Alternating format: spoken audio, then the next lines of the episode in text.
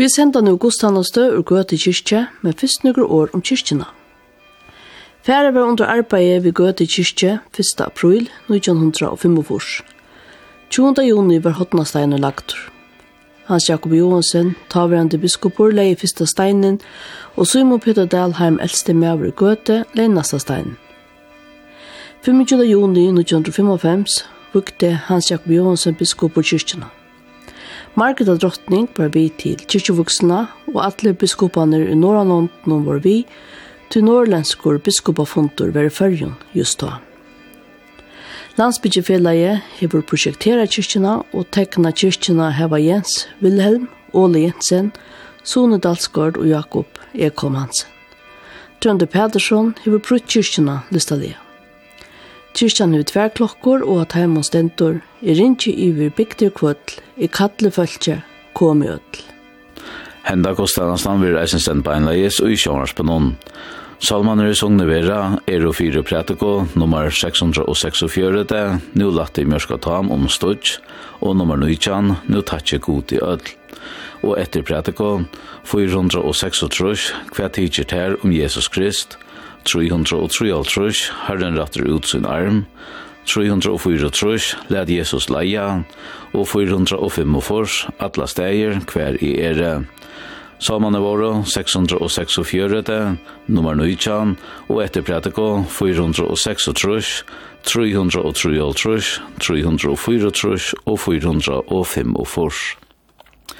Ove Brim prester predikar, Simon Christian Olsen er Deknor, vi orkle sitter Simon Hammer, og klokkare er Jekvan Heinesen. Teknikare i kyrkjene er Rune Esterløy.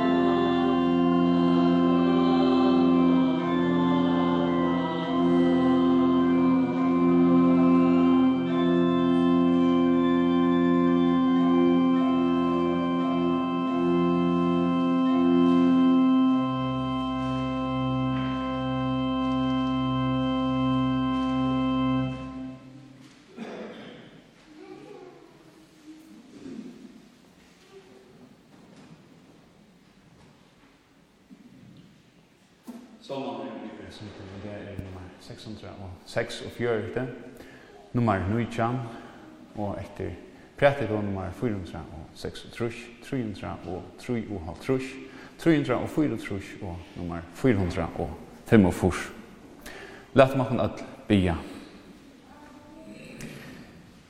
Herre Jeg er i innkommen og jeg heter Høyleie Hustøyt at høyre hva du to god feger skaper min Tu, Herre Jesus, frelsar mui, tu gaue høyla i ante, ukkare mui, vi luive og deia, vilt vimme tala.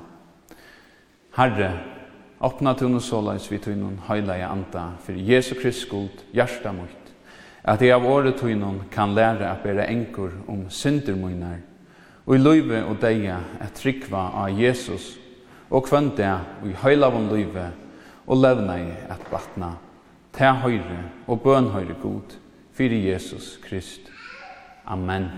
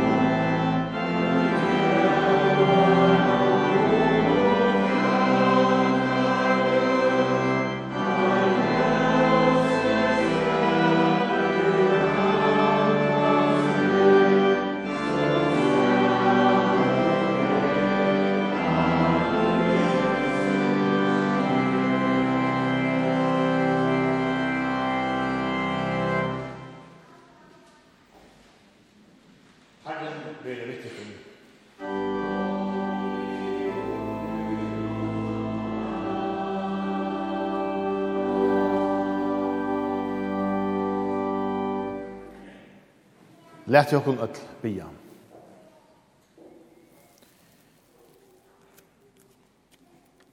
Herra vår god himmelske feir, vid vigenga fyrir her, at vid er så voik, jeg vil ikkje til fullnar mekna at gjer etter vilja tøynum. Tøy bia vi til, void okkon tøyn høyla i anta, så at vid først ut sunne, hald okkon til sån tøyn Jesus Krist, og lyda av at vi vil løyen kansere og deia og jeg fyrirgjeving for allar sinter okkara. Og såleis liv og et høylagt liv og i lyttene her av folton etter vilja tøynum til vida av nøye tøyne vera sjæl atler ever for tøyne øynborna son Jesus Krist Herre okkara. Han som vitt er liver og rævur og i øynløyka høyleia andans og en sannur god om aldur og æver, atler.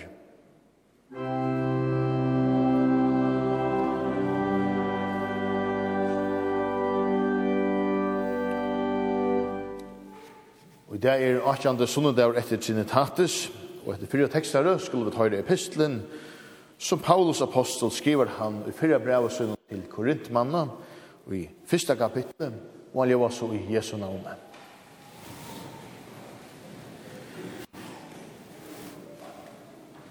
Jeg takk alt og i gode munnen tikkara vekna, for jeg takk Guds nøye, som tikk under given og i Kristi Jesus, er at tid og i hånden er og våren ruik og i øtlom, og i atlare talo, og i øtlom kunnløyka.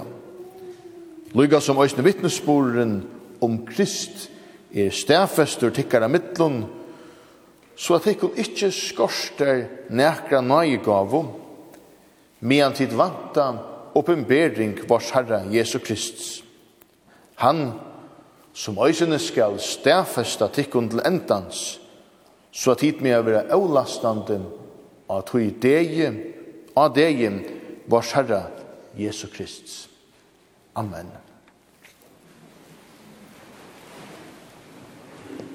Amen.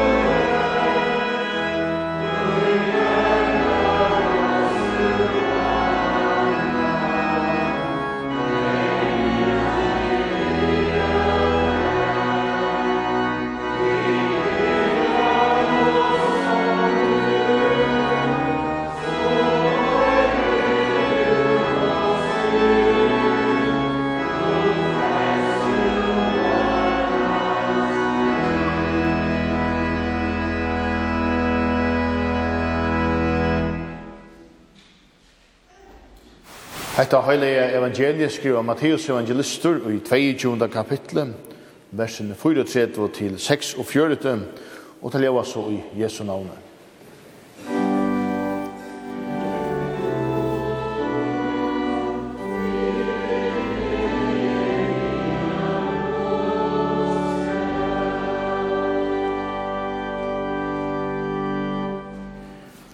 Men ta i fariserarne hørtum at Jesus hei malbunt sandukerarne kom og tar skjemman og ein tørra og ein lovkunnur spurte han til tess at frøsta han. Mostere, hva er hitt ståra boje og i lovene? Men han sier vi han, du skal elska herran god tøyn, av ætlun hjertatøynum og av ætlare saltøynum, og av ötlun hoa tøynun. Hetta er hitt ståra og fyrsta bøyen.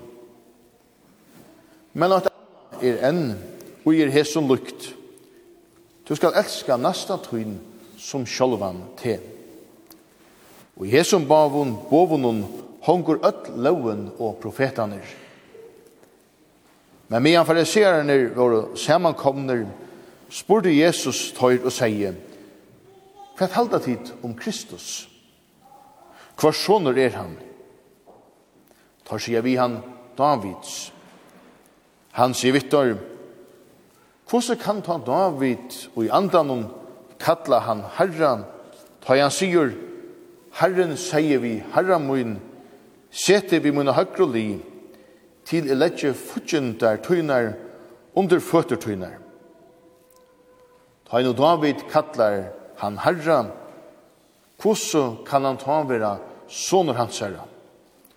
Og angen kunde sværa honom ett år. Og i heldur torde nekar møyra etter tandem at seta honom på en spurning. Og lette okkon i fela jotta okkara kristnotsik. I avnokte djevelen og allar gjerningar hans og atlan ætbor hans. Jeg trykker av god feir hin alvalda skapara himmels og gjerra.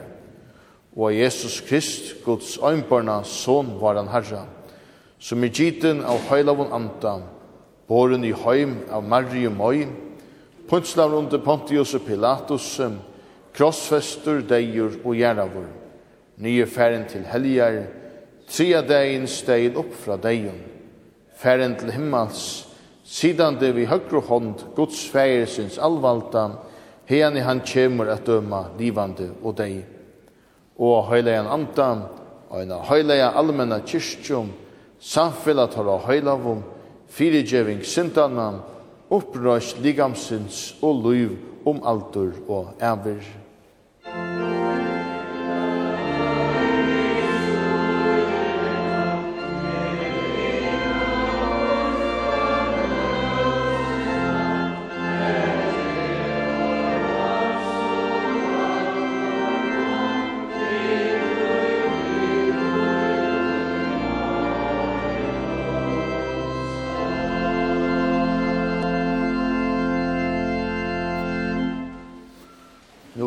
alt så stufter. Jeg, jeg minnes ikke når bøttene til jeg fra nye sundagsskolen. Og jeg det er vera færen, her ikke bøttene etter en. Uh, så men nå måtte du svære meg. Arndt Helland. ja. Uh, hvis akkurat bøttene atlas er sundagsskolen, så er det ikke fornærmere hvis du færen nå. Takk for at du fære sundagsskolen til jeg bøtten. Uh, sundagsskolen er, er helst tutningar med deres arbeid som vi tar. med. Så... So, Takk for at tid fær sundagsskolen bøttene, og, og takk for at tid foreldre geng sundagsskolan vi tikkar bøttene.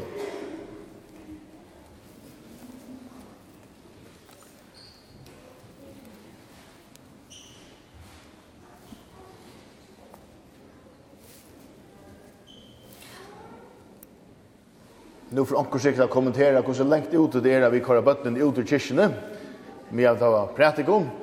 Det her blir en diskussion om ærastan, ikkje her. Det går så godt at sondag skulle er, og til det.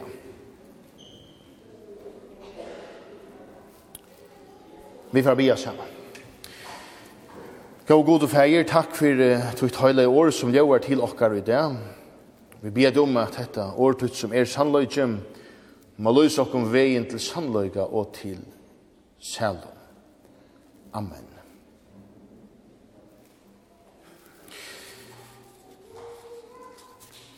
Fremst standa hei i kyrkjen okkara kring landet, og i snir til okkun, hei staur og ljósene bæg. Vi djeva da neivan stauran ans, men hei hava og en symbolskan tuttning sier sivenja nok. Hese bei ljósunne, og imynda lövuna og evangeliet. Lövuna og gleibåskapen. Og det er så løs at begge ljøsene og at lysa. Ikke øynas anna, men begge tvei. Hitt fyrra ljøse omboar løvene til Guds gode vilje vi løyvi okkarna. Det tog ikke bøyene som er vendt med det gode og med menneskene. Med det gode skapar okkara og okkara nasta. Hitt søttna ljøse omboar glede i bådskapen etla evangeliet som det øyne vil kalla. Glede i bådene er et hei at god i kærløyga søgnen hever sendt okkon er kommet til okkon vi sine sønne Jesus og Kristi til tess at han vi løyve, løying, deia og opprøsj skulle være bøt for synder okkara. Og blå hans herre, skal rønse okkon fra atler i årattvis. Atler i synd. Hetta søtna ljøse er så at de gode togjentene om at ånden fordøming er for han som er i Kristi Jesus. Som sagt, så skulle begge tvei lysa. Begge loven evangeliet, og i evangeliet der vil stekka vi begge tvei. Og i det var det nemlig at två spurningar setter. Två spurningar. Hvert er hitt ståra bøye i lovene? Og hva halda tid om Kristus? Vi kunne også sagt, hvor er Guds vilje? Og hvor er Kristus, hins halvaje, Messias? Hette er så større spurningar, sier svenske biskopen Bo Gjerts, så tøyende spurningar, ja mest tøyende spurningar som en menneske i vår kan sette seg. Hvor er Guds vilje, og hvor er Kristus? Fyrir etter fyrir så rundt og farisererne at fenga Jesus og skøyva bøynen. Og i manns vidt her er nok så stort rønt at fenga Jesus Han som er fra evigen tøyen og skøyva bøyden, det ber ikke til, men det røyna det så. at fengar Jesus og skøyva bøyden, testa han, sette noen spurningar, såles at han kunne fenga noe i omkron, og at enda tekan og døman.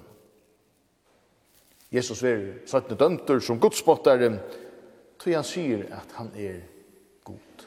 At han er god. Henda dagen spredar inn til lovene, hva er ditt største bøy i lovene? Hva er tuttninga miklast at halda? Sverre tar foa fariseerne i henda det er er hitt kjenta dobbulta kærløsbøy. Elska god og elska Opp etter og utetter.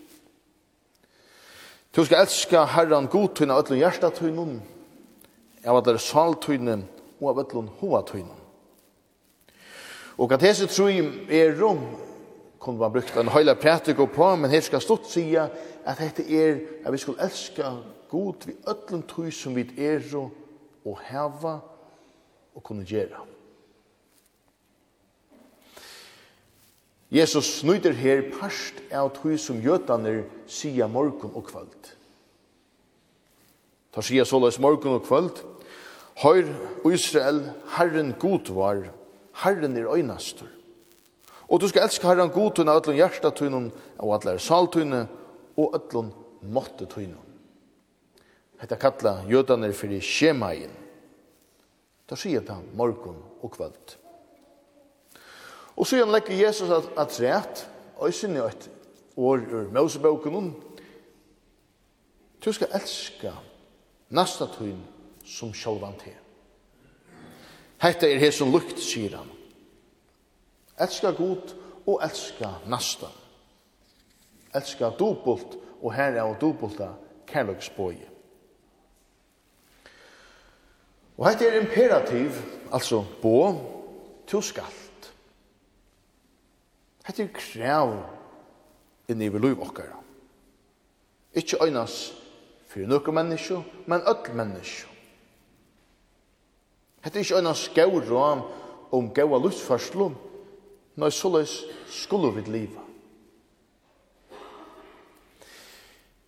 Hetta viser okkon til tei tutsi boina.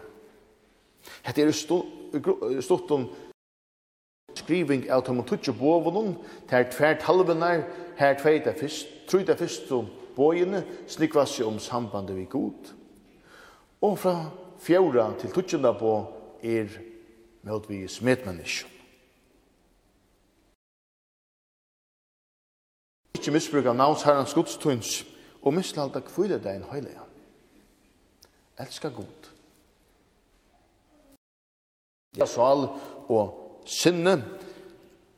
Så halda vi kvile deg en høyle, Så misbruk av det ikke navn gods. Til vilje gods og i samfunnet vi han.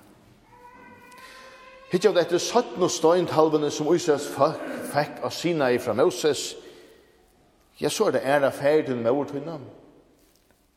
Du må ikke drepa, ikke drøve hår, ikke stjela, sier falska vittnesbord, og så videre.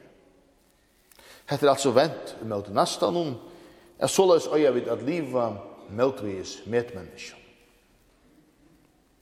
Hette er Guds vilje, for okkara liv og samfunnet vi öll menneskje. Altså elskar god av öll hjärsta hove og sal og tog øysene nastan som okkon sjálva. Og i hesson bavun er öll loven og profetane, sier Jesus. Onkur nevnt dette som en mynd, hette som tvei hongsl, eller hongslene og en er i hor. Det ber ikke til å være anna utan hit. Men begge tvei. Elska god og elska nasta. Loven er Guds gode vilje enn i lov tutt og lov mutt, en frimel, et modell, som øyre var fyllt. Som sagt, ikke øyne skår og avmenninger, men krøv. Enn i lov okkara. Hette tan god som er høylaver, og som er savnast om det etter sunnet etter sunnet det, og vil at så løy skal løy okkara vera. Om god ikkje finst, så kunne vi nok liva som vi sjálve vilja. Men om han finst, så er det sjálfsagt at han som har skapt alt og er kærløyke, og djever okkon kærløyka, men òsne krevja av okkon av et liva kærløyksfullt. Ja, men er loven ikke bare en av all das hek, kan vi spyrja. Så vi det leis av.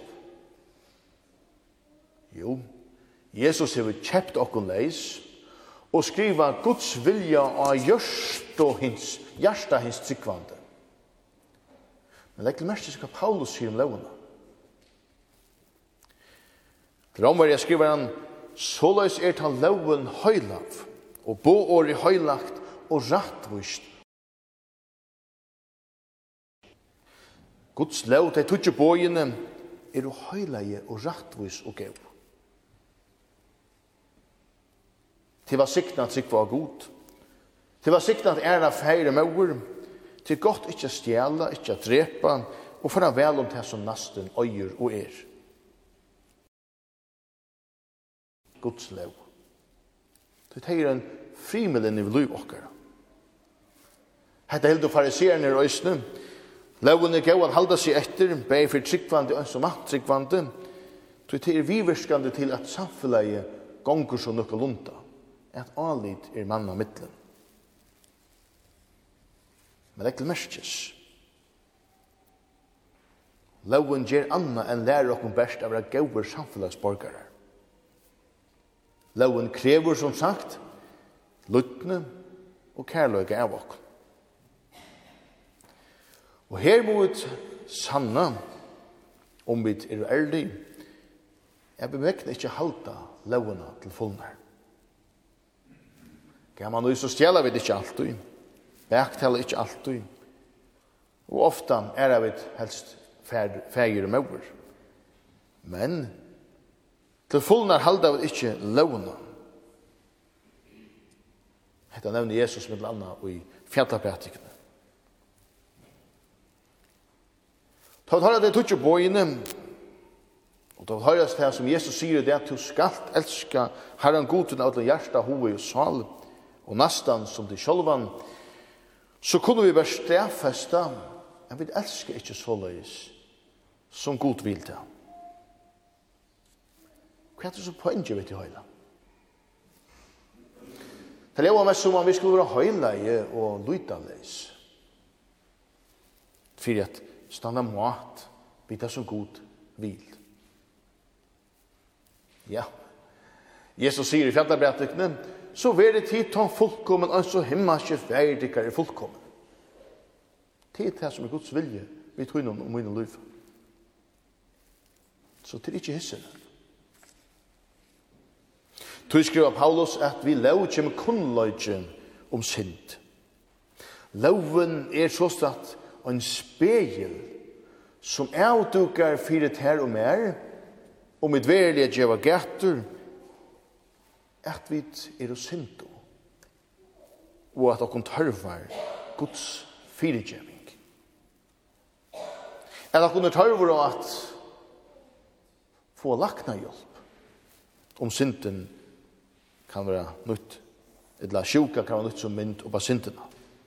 Vi stand ikke mat ved Guds vilja, gaua vilja, og av tog ikke tørv av øynene som kan hjelpe oss, frelse oss. Vi hesten er vi kommet til søttnasporningen som øysene er avgjørende. Hvor er Kristus? Hvor sånner er han? Hva sier til han vera? Han er sånne Davids svære fariserende. Han er av at Davids. Og det er han lyst. Men det stekker her. Han er en menneske, kanskje en politisk figur, som skulle bjerga til ham nu lønnsjonen til hersettingarvalden, valden og romvergen, men korsen er et menneske. Og en Davids at. Og Jesus sver av Davids at. Men rujtja hans herre er ikke av hessen høyme. Nei, Han er kommet vid Guds rujtje. Han er kommet vid Guds rujtje. Og han er nekka møyr enn øynens, et menneske. Hetta svært høyra om at Jesus er sonne Davids, fer Jesus at endurgjeva en salm tja David, og fer herna sier at Kristus er begge god og menneske. Han er herre tja David i kongen, För at han er skapar i himmels och gjerder, og han är samståndes son av Davids för at han er fötter som människa och i attene til David. Så så sier Jesus att han är at god gjørdest øyne av okken. Gjørdest menneska som vit så at han och i okkara sted kunde leva sampart Guds krøvun som vi öll burde leva etter. Og Kristus er Guds evige soner, som soner hans er en et nøv offer for hønsens synd, som, vi, som han vid deg og opprørsvinnen hever strika. Kristian Osvald videre hadde jeg skrivet det så vekkurst til deg inn det, til henta tekst. Her er av sonnen møyre enn Davids soner. Davids soner. Og her er meir enn mannlige vursdømmer. Her er en Guds vursdømmer som ber av öllun manna vite. Jesus tog av seg tænare vind og søk djupre.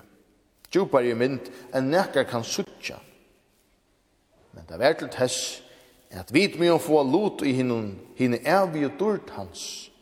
Vit som ikkje elskar av høylun hoved og allare sål og i heldur nasta okkar ans og oss sjálvar. Ja, her er sonnen mor enn Davids sonur. Her er Guds sonur som tidsi oss i tænare mynd og gjørst, gjørst okkon lykur. At suttja hetta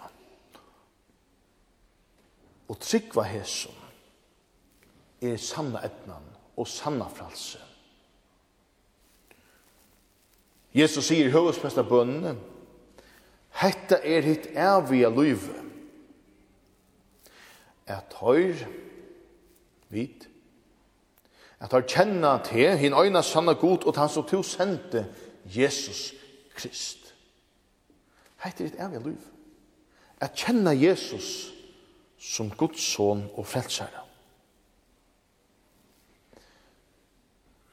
Og kyrkja okkar skal til leva bei tvei, loven som løyer okkar til Kristus og viser okkar at vi ikkje er perfekt.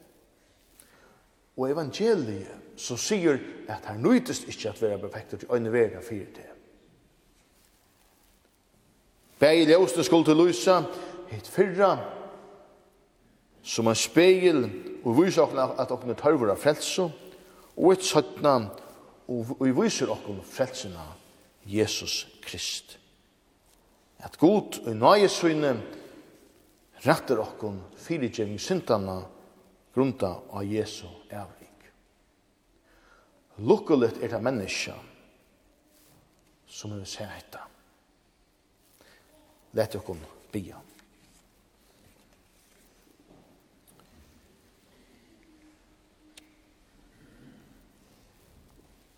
Lov og takk og atra høyur verit her god og varun, feire syne og høyla og anta. Som alltid hever verir, er og alltid verur, ein sannur tru øyne og vår god. Ha lov over fra fyrsta opphavet, nu og om atler evir. Alvalde god, miskunn samme feir. Vi bia til valsikna og varvut til høyla og kyrkjum og atlar kristnar samkomur. Lät vånuna om Jesu, atter komum, vera livande okkara mittlum. Lät ordet av frutt at færa okkara mittlum, og lät tutt rujtje vi rattvise, frie og gleie, veksa og bonast. Gjev okkon trofastar, lojarar og boarar av tunnun åre. Vís nøye og rattla i öll som vittlast. Vær ikke tøymon heimun som nøye fyrir ditt navn, Og let evangeliet komme ut til öll fakkaslø. Vekja tøymon som er færen ut i heim, vi glede på skapnum. Halt verndar hånden i landet okkar og fölkje. Ver vi allare lovljer i völd, let hei som okkar öll somol, vera av tunnan anda, vilja og åre. Vekja dem gamlum, medelaldrandi og ungu vi. Vekja bøttenum, Øysen tømne i møverløyve. Vær ikke at de lesande, og ikke at de som starvast og ferast av sjekve, av landet og i flåferslo. Vær vi nøye og hjelptøyne til øtlån, tøymon som hevda ringt og løya nei, tøymon som er nøyvd av ivam, storan og øtta. Vær ikke tøymon som sjuk er om likamlia etla sanalia, trøsta og styrstu tei, og i sorgabunden er om, tei som har mist øyne av sunnen kærum. Vi blir om fri over heimen, her til okken, over Jerusalem, over Ukraina, i alla stæger. Læt om kvart 20 år i etla verste tekka luftsgleina fra nøkro menneska. Lys for tøymon som litt til det susta, og vekt du sjolver i vi tøymon.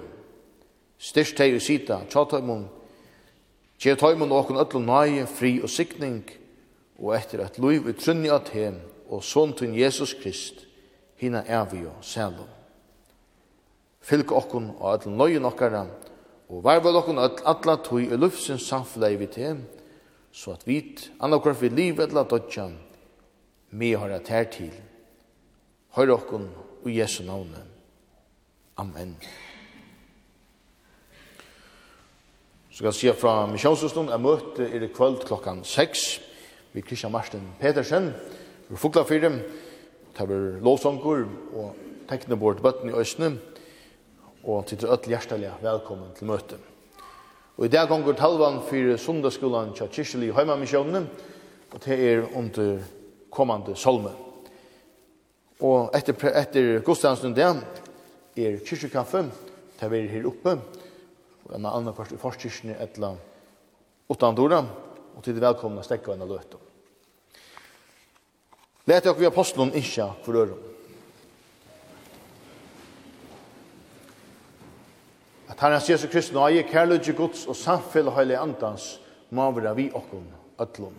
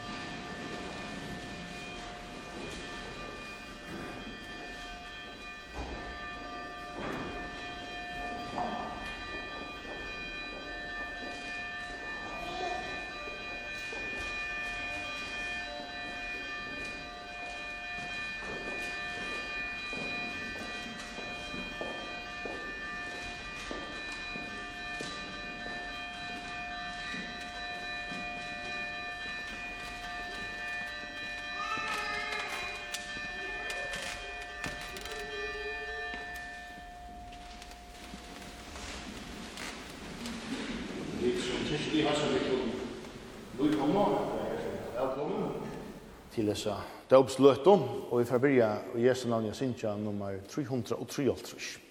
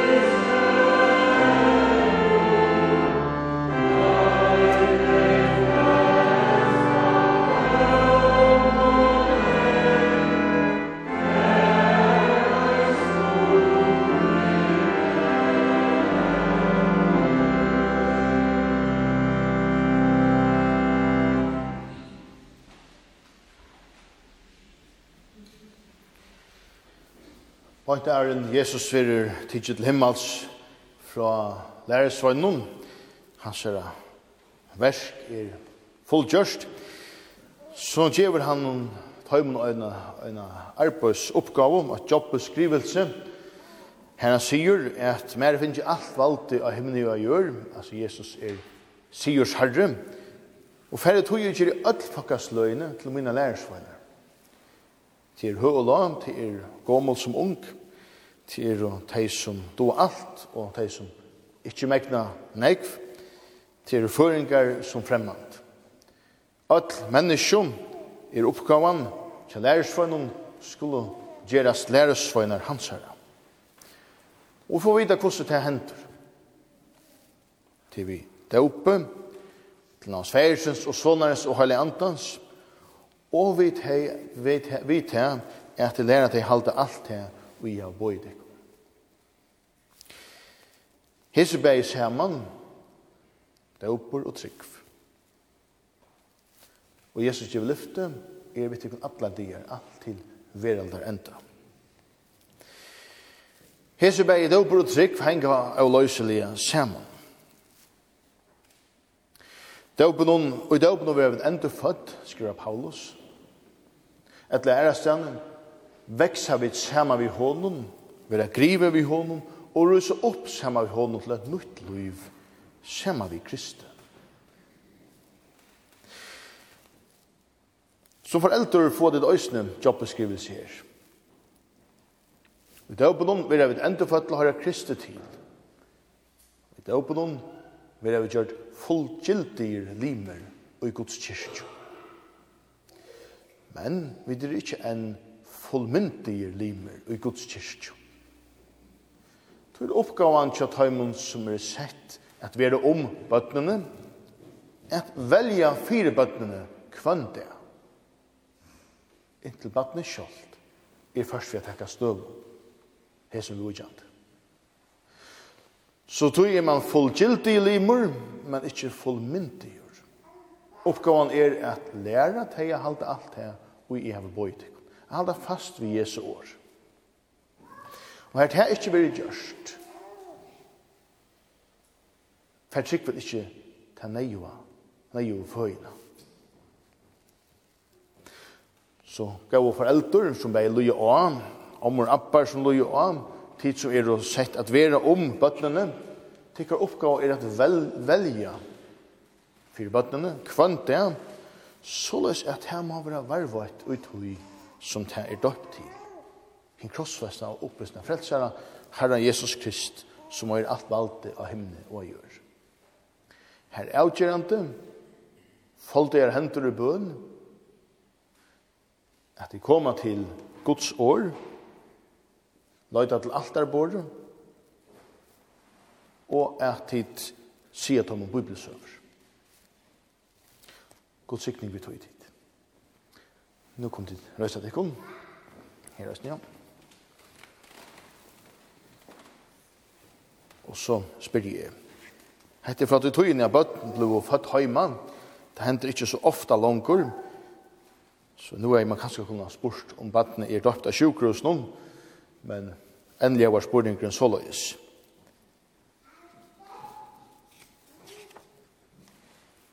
Er bøtten heima døpt?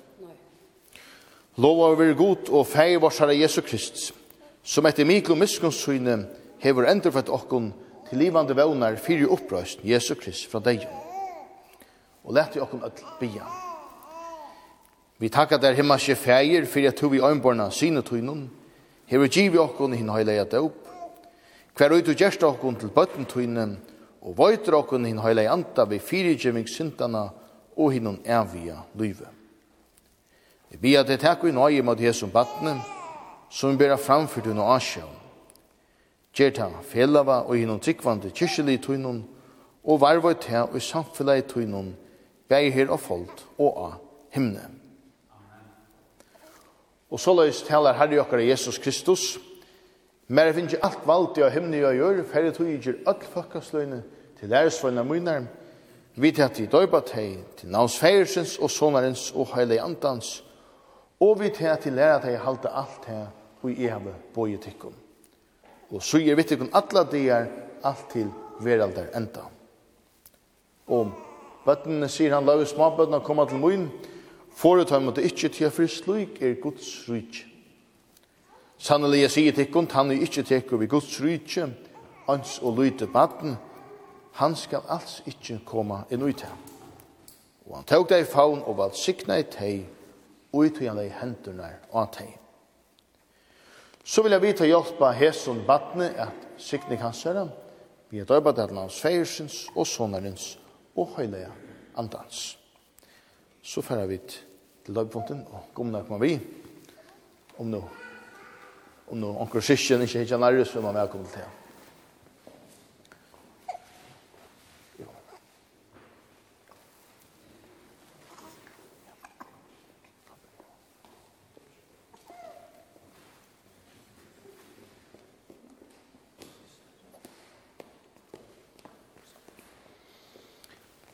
Takk vi høyde krossmersi bær for alle tøyt og brøst tøyt.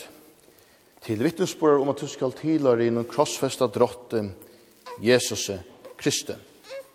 Hvordan øyder badne. Anna Gøte Oslagsdøtter. Anna Gøte Oslagsdøtter er nok der til djevelen og at der gjerninger hans og atlan ekbor hans. Ja. Trorst du at god feir hinn alvalda skapare himmens og gjerre? Ja. Og Jesus Krist, Guds øynbarna son, var han herre, som er giden av heilavun anta, boren i heim av Marie Møy, puntslav rundt Pontius Pilatus, krossfester, deir og gjerravur. Nye færen til helger, tria dein stein opp fra deion. Færen til himmels, sidan det vi høyre hånd, Guds færesins allvalda, hene han kjemur at døma livande og deg. Ja. Og heilavun anta, en heilige allmenne kyrkjum, samfellet av heila og fyrirgjeving syndanan, opprørs ligamsins og luiv om alder og æver. Ja. Vil du være døpt etter hese trygg? Ja. ja. Anna Gøte Oslagsdøtter er døybet til hans feiersins og sonarins og heilige andans. aftur og aftur.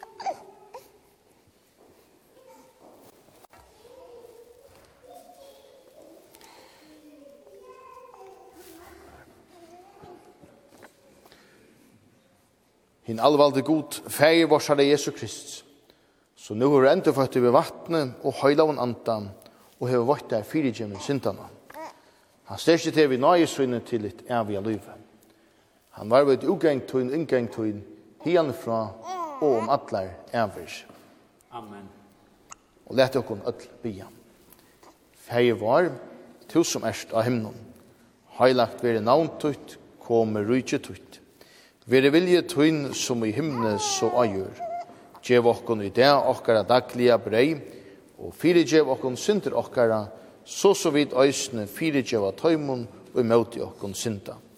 Og lai okon ikkje i frøstingar, men frels okon fra til ytland, Tu ja tutt er rujtje, valde og høyren om atlar enver.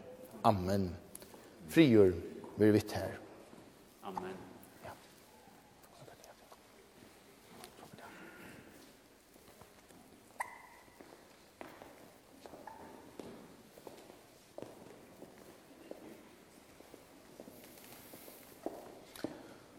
Og vi kunne i den samgliast vi ånden som er bøyna en limur i okkara kyrkjelige her, og lett om okkara minnast henne og foreldre henne i bønnen okkara, så teg òsne få alt det som er nøy til dessa tryggven kan veksa og være varvått som er lærersvån til Kristi. Tid du fattar er då at Hesun Batne kunne vittna at det er døpt til navns feiersins og sonarens og heilig andans. Og de skulle vite hva det er skilda tikkere, møte til badne som tider er fattere at.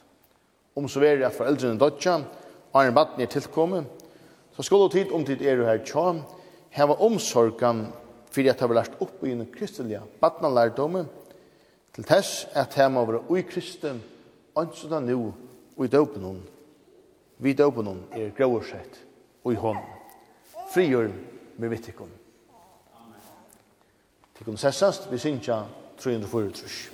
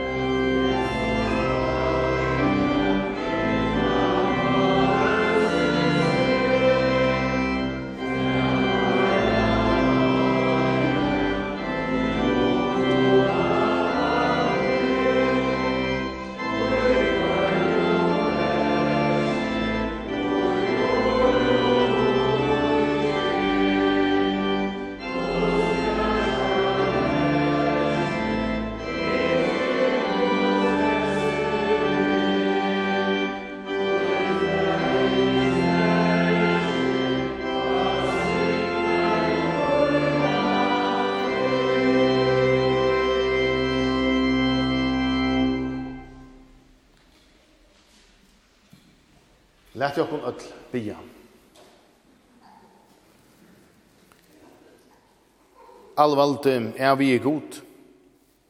Vi takkar til for kvann en friar det du djever okkom. Vi bia til vær okkom fyrir krutje og fremmandun herradøme.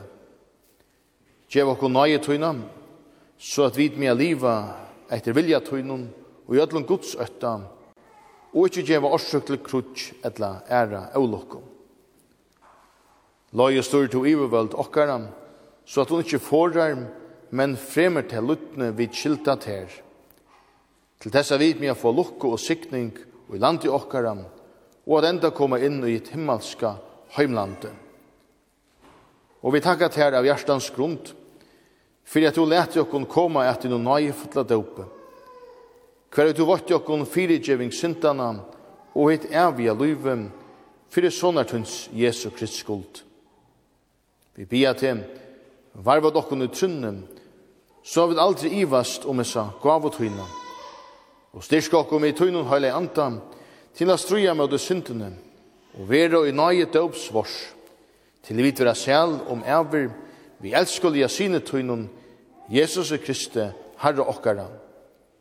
Honom som vitt er liver og rævor i øynløyka heile i andans, øyn sannur god om altur og atlar æver. Amen.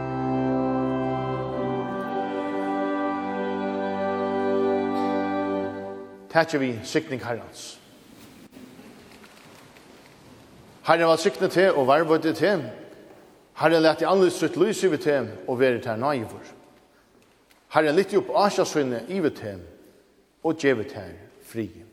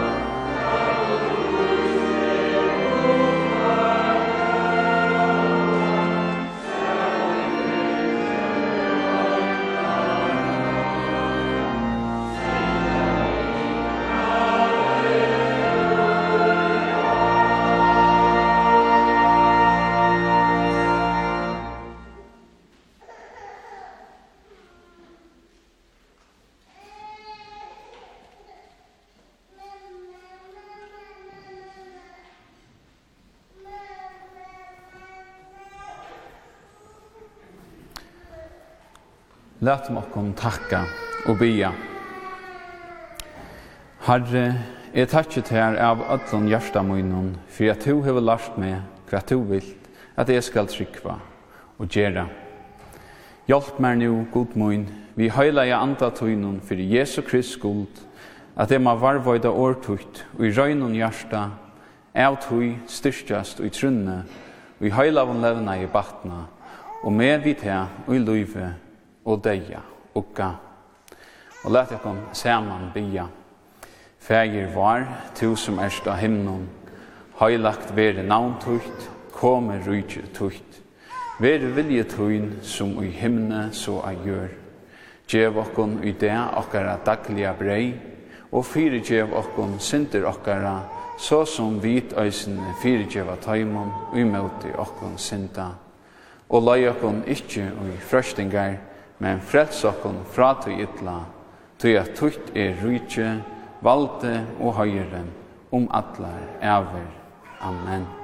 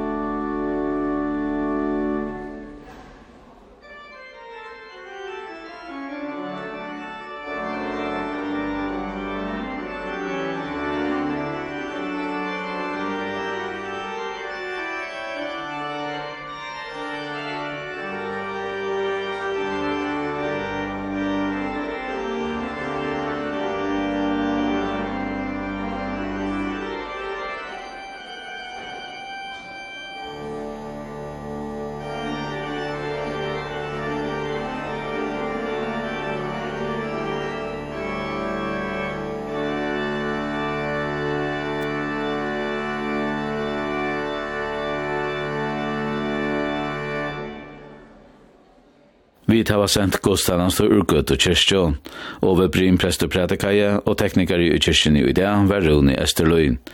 Tilber at lort etter dagsens godstallans til av netenon, vi at færre av kvf.fo, trusta atronova, og så gjerne godstallans til ui utvarspe.